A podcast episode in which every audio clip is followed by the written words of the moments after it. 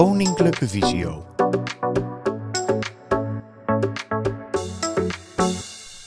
Vragen en antwoorden met betrekking tot de opdrachten-app. Door Jan Drent en Ige de Haan. Beste lezer. In de loop van de tijd is een aantal vragen binnengekomen over de artikelen die wij, Ige de Haan en Jan Drent, geschreven hebben. En wij voldoen natuurlijk graag aan de behoefte deze te behandelen. Het feit dat de vragen er zijn, betekent dat velen met het gebodene aan de slag zijn gegaan. En dat is iets dat ons natuurlijk goed doet. Laten we dus snel aan de slag gaan met het eerste onderwerp. Het gebruik van Siri. Wat is er nu makkelijker dan alles dat je wilt bewerkstelligen door je virtuele assistent te laten uitvoeren? Voor Apple-producten wordt over het algemeen Siri gebruikt. Al is het tegenwoordig natuurlijk ook mogelijk de Google Assistent in te schakelen. Dit biedt vele mogelijkheden, maar wij houden het voor dit moment toch maar even bij Siri. Er zijn behoorlijk wat mensen die hinder ondervinden tijdens het gebruik van Siri, zeker wanneer dit in combinatie met de opdrachten-app gebeurt, en dat is nogal frustrerend. Daarom een aantal suggesties. Een van de problemen met Siri is dat het openen van apps momenteel niet of vaak slecht lukt, waardoor ook een gemaakte opdracht niet kan worden uitgevoerd. Dit is niet handig, want je hebt die opdrachten gemaakt om zelf zo min mogelijk handelingen te hoeven uitvoeren. De terugkoppeling van Siri is dan iets als kan de app niet vinden. Je zult deze eerst uit de App Store moeten halen. Jij weet echter zeker dat de app gewoon op je toestel staat. Immers, je gebruikt hem al lang. De mogelijke oplossing is een gewijzigde aanspreekmethode voor Siri. Ook al vind je er op de diverse websites maar weinig over, het lijkt erop dat, wanneer je het woord app toevoegt aan je te openen app, de resultaten ineens een stuk beter zijn. Een mooi voorbeeld is de app OV Info. Wanneer je zegt open OV Info, gebeurt er niet veel, behalve de vermelding van de hierboven genoemde opmerking. Maak je hiervan open app OV Info, je raadt het al, de score is 10 uit 10. Het is wel even wennen om telkens overal het woord app aan je vragen toe te voegen, maar eenmaal hieraan gewend, weet je al snel niet meer anders. Wil jij je gemaakte opdrachten echter ook weer laten werken, dan zal je ze stuk voor stuk moeten hernoemen door de tekst app toe te voegen aan de titel van de te wijzigen opdracht. Voor velen een flinke klus, maar het wordt je wel makkelijk gemaakt door de nieuwe opzet van de opdrachten-app. Open de opdrachten-app en zoek naar de opdracht die je wilt wijzigen. Veeg met een vinger omhoog of omlaag tot je hoort meer en bevestig dit. De opdracht wordt nu geopend en je kunt in het invoerveld, direct bovenaan in het scherm, een naamswijziging doorvoeren. Opmerking 1. Met deze methode wordt de opdracht feitelijk geopend en kan je dus ook echt veranderingen aanbrengen aan je opdracht. Let dus wel even goed op dat je niet per ongeluk, ongewenst, opdrachtregels wijzigt. Opmerking 2. We proberen je tips te geven waarbij wij hopen dat alles zo optimaal mogelijk werkt. De hierboven gegeven tip werkt over het algemeen goed. Maar we moeten ook onderkennen dat veel problemen ontstaan doordat Siri, op moment van schrijven, vaak slecht kan communiceren met haar eigen server. Dit zijn storingen die veelal bij Apple liggen, maar ook je eigen internetverbinding kan een mogelijk probleem veroorzaken. Denk niet, er is er tegenwoordig toch één, offline spraakherkenning, want deze is, wat ons betreft, nog maar matig in zijn werking en lijkt voor meer ongemak dan gemak te zorgen. Nu we toch al in de opdrachten-app zijn, kom ik gelijk bij de volgende vraag. Voorheen was het relatief eenvoudig om opdrachten netjes te organiseren, door middel van omhoog of omlaag vegen op een opdracht. Je hoorde dan omlaag, zet onder item of omhoog, zet boven item. Wanneer je vervolgens dubbeltikte, werd je opdracht verplaatst met de bijbehorende opmerking en klaar was je. Helaas is dit in de meest recente versie van de opdrachten-app niet meer het geval en ga je nu als volgt te werk. Zoek de opdracht die je wilt verplaatsen. Dubbeltik en hou bij de tweede tik je vinger op het scherm tot je een feedback-tik van je toestel voelt of tot het dialoogvenster voor vertoning zich opent. Kijk nu onderaan het scherm waar je de knop Verplaatsen zal tegenkomen. Wanneer je hierop klikt, krijg je de mogelijkheid je opdracht naar een van de mappen te verplaatsen, welke al aanwezig zijn op je toestel bij eerste gebruik van deze app, maar ook die je zelf ooit hebt aangemaakt. Zelf zijn we nogal georganiseerd en hebben er dus een aantal mappen bijgemaakt om alles snel te kunnen terugvinden. Kies een van de mappen en herhaal dit voor alle opdrachten die je wilt verplaatsen. Klik vervolgens op de knop Terug, linksboven in het scherm, tot de naam verandert in Wijzig. En selecteer nu een map waarvan jij weet dat je er zojuist opdrachten aan hebt toegevoegd. Let op, kies dus niet voor de knop Wijzig linksboven in je scherm. Wanneer je dit toch per ongeluk hebt gedaan, zul je zien dat je hier enkel de volledige mappen kunt verplaatsen. Via deze knop hebben wij dus de mappen op alfabetische volgorde gezet. Tip. Ons advies luidt dus om al je opdrachten altijd netjes in mappen te plaatsen. Dit bezorgt je namelijk een overzichtelijk geheel en het geruststellende idee dat je je opdrachten snel en gemakkelijk kunt terugvinden. Juiste map gekozen? Je ziet nu dat je opdrachten op volgorde van binnenkomst zijn gerangschikt, waarbij de meest recente toevoeging bovenaan zal staan. Wanneer je nu dubbelklikt op een opdracht en hem bij de tweede tik blijft vasthouden, voel je een feedback-tik van je toestel. Wanneer je dit merkt, blijven vasthouden en je vinger over het scherm bewegen. Bij iedere visuele verplaatsing op het scherm krijg je feedback van je toestel door middel van een tikje. Maar VoiceOver vertelt je ook precies waar jij je met je vinger bevindt. Eenmaal op een voor jou goede plaats aangekomen, laat je pas los en heb je je opdracht op een nieuwe plek gezet. Het is mogelijk dat er bij het vasthouden van je opdracht een dialoogvenster verschijnt, welke ook door VoiceOver wordt uitgesproken. Is dit het geval, sleep je opdracht er dan gewoon doorheen en het dialoogvenster zal vanzelf verdwijnen. Het is even flink klieren, maar wanneer je dit telkens doet als je een nieuwe opdracht maakt, heb je er uiteindelijk heel veel gemak van.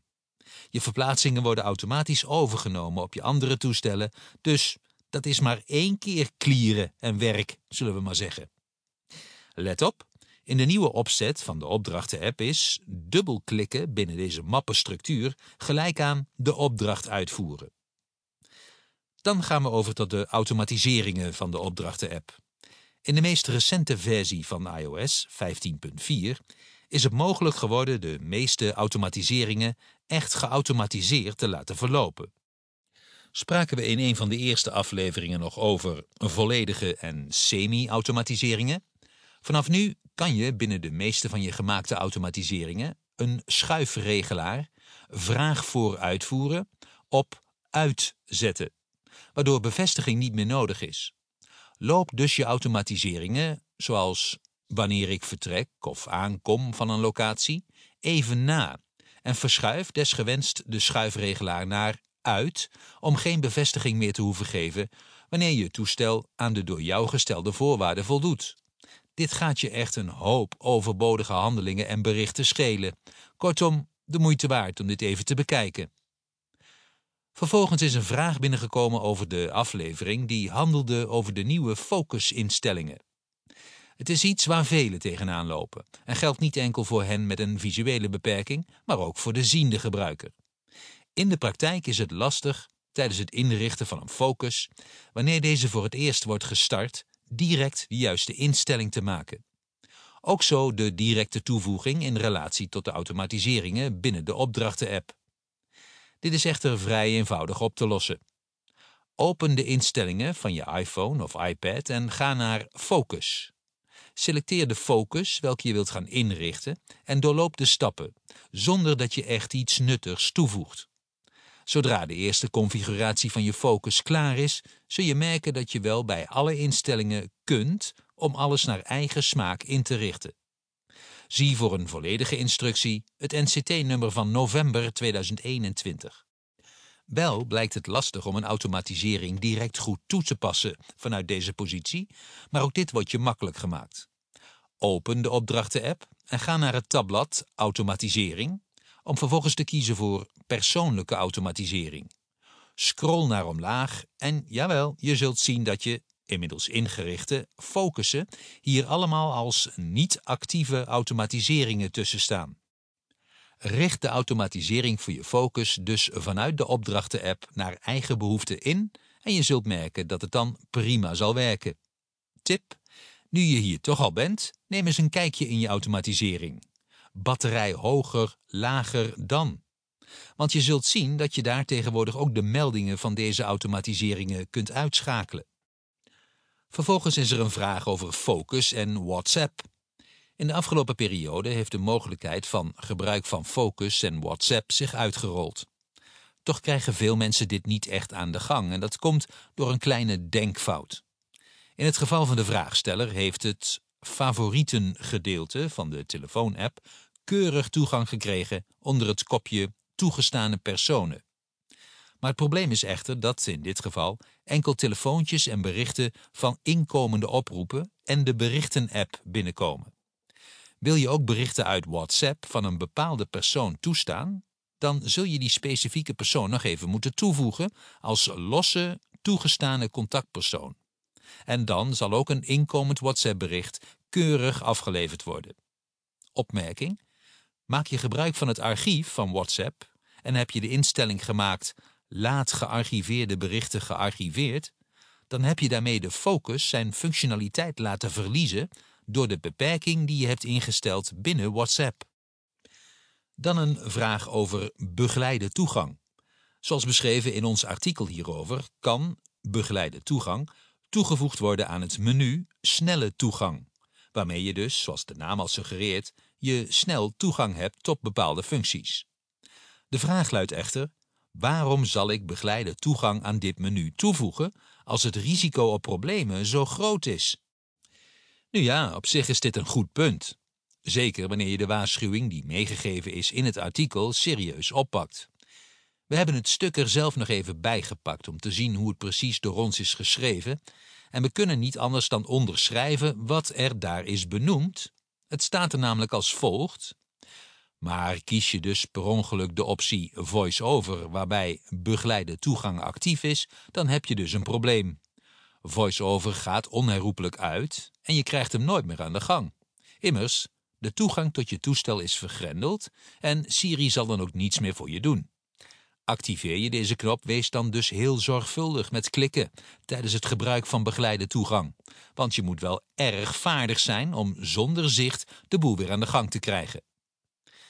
Natuurlijk is het altijd raadzaam een waarschuwing te harte te nemen. Aan de andere kant kan het ook te strikt worden opgevat. Misschien ligt dit aan de manier van ons schrijven, maar draai het nu eens om. Wanneer er geen waarschuwing zou zijn opgenomen en je komt in de problemen, dan hadden we hoogstwaarschijnlijk nu de vraag moeten beantwoorden waarom je niet gewaarschuwd was dat het beschreven probleem is ontstaan. We zijn ons ervan bewust dat dit antwoord niet echt bevredigend is, doch hebben we zelf behoorlijk wat moeite moeten doen om met een hoop trucs het toestel zonder zicht weer te kunnen gebruiken, doordat er te snel is gehandeld zonder eerst goed na te denken. De waarschuwing is dus nog steeds relevant, maar wanneer je gewoon voorzichtig oefent en blijft nadenken over wat er mogelijk gebeurt na een handeling, kan er niets echt verkeerd gaan.